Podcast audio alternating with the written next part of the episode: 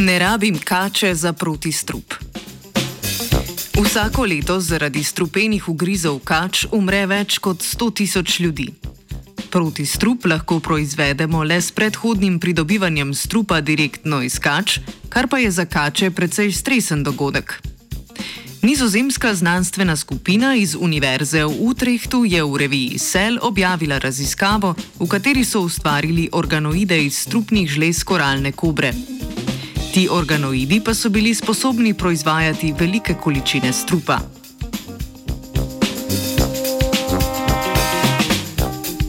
Organoid je 3D miniaturna in poenostavljena različica organa, proizvedena v laboratoriju iz le nekaj celic, ki prikazuje realistično mikroanatomijo organa.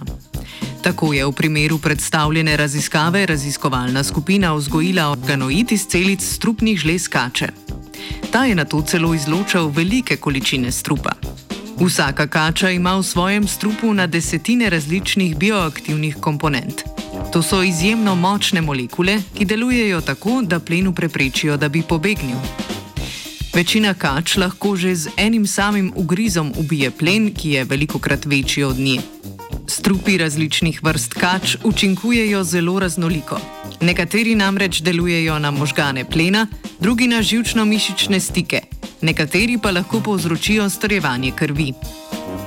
Svojo raziskavo so znanstveniki in znanstvenice izvedli na zarodkih kač, ki so jih odstranili iz oplojenih jajc tik pred izvalitvijo. Odzeli so jim majhne koščke tkiva iz strupnih žlez. Te celice tkiva so gojili na zelo nadzorovanih gojiščih, ki so jim dodali tudi rastne faktorje. Celice so se kmalo začele deliti in združevati v strukture, organoide. Ti organoidi so vsebovali celice, ki imajo zmožnost izvenceličnega izločanja. Po enomesečnem gojenju organoidov je raziskovalna skupina z metodo kvantitativni PCR analizirala izražanje genov za proizvodnjo toksinov. Ugotovili so, da prednji del žleze izloča drugačne toksine kot zadnji del.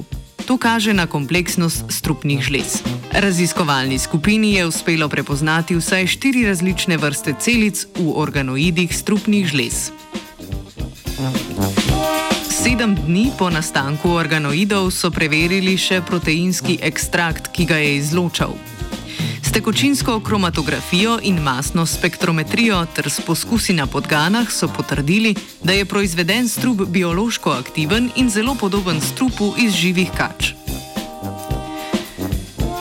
S takšnimi postopki bi lahko na malo drugačen, varnejši in neboleč način preučevali raznovrstne žleze in njihove produkte.